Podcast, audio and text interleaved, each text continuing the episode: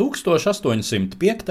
gadā Britu karaliskā flote viceadmirāļa Horācija Nelsona vadībā sakāva apvienotos franču un spāņu jūras spēkus kaujā pie Trafalgāras zemesrāga.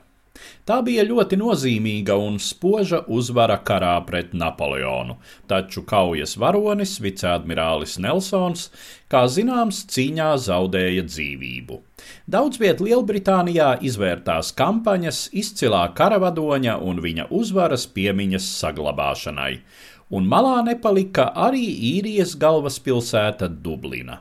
Protams, netrūka īru, kuriem nebūtu nepatika angļu uzkundzēšanās viņu dzimtenē, taču Lielbritānijas jūras varenība, kuru ar savu uzvaru bija nodrošinājis Nelsons, nesa turību arī daudziem dubliniešiem.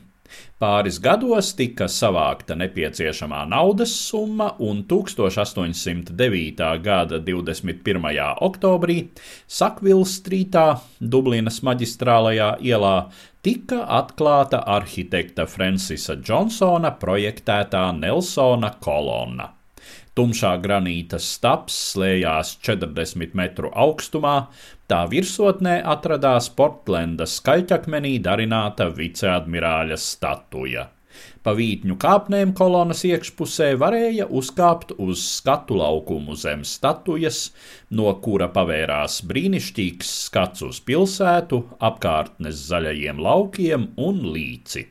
Taisnības labad jāsaka, ka jau drīz pēc Nelsona kolonas uzstādīšanas īru sabiedrībā pacēlās balsis, ka šādam Britu impēriskās varenības atribūtam Dublinā nebūtu vietas.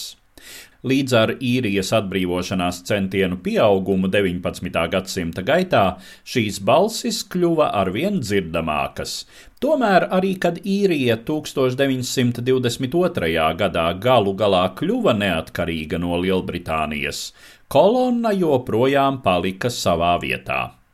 Tā kā piemineklis bija celts par privātiem līdzekļiem, to nepārvaldīja ne valsts, ne pilsēta, bet gan īpaša pilnvarnieku komiteja, kuras locekļi nepiekrita kolonnas nojaukšanai. Droši vien varētu pieņemt īpašu likumu, taču arī politiķu vidū šai ziņā nebija vienprātības. Nelsona kolona bija grandiozākais monuments Dublinā, kas daudziem šķita nesaraujami saudzis ar pilsētas tēlu.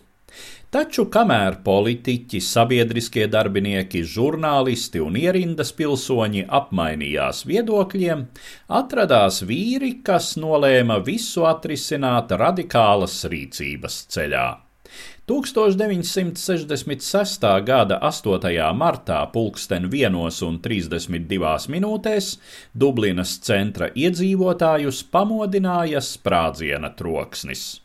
Precīzi ievietots spridzeklis pāršķēla kolonnas stāvu uz pusēm, un tās augšējā daļa līdz ar Nelsona statuju nogāzās un sašķīda pret bruģi. Lādiņš bija ievietots ļoti profesionāli, un sprādziens sagrāva tikai pieminekli, nenodarot kaitējumu apkārtējām ēkām.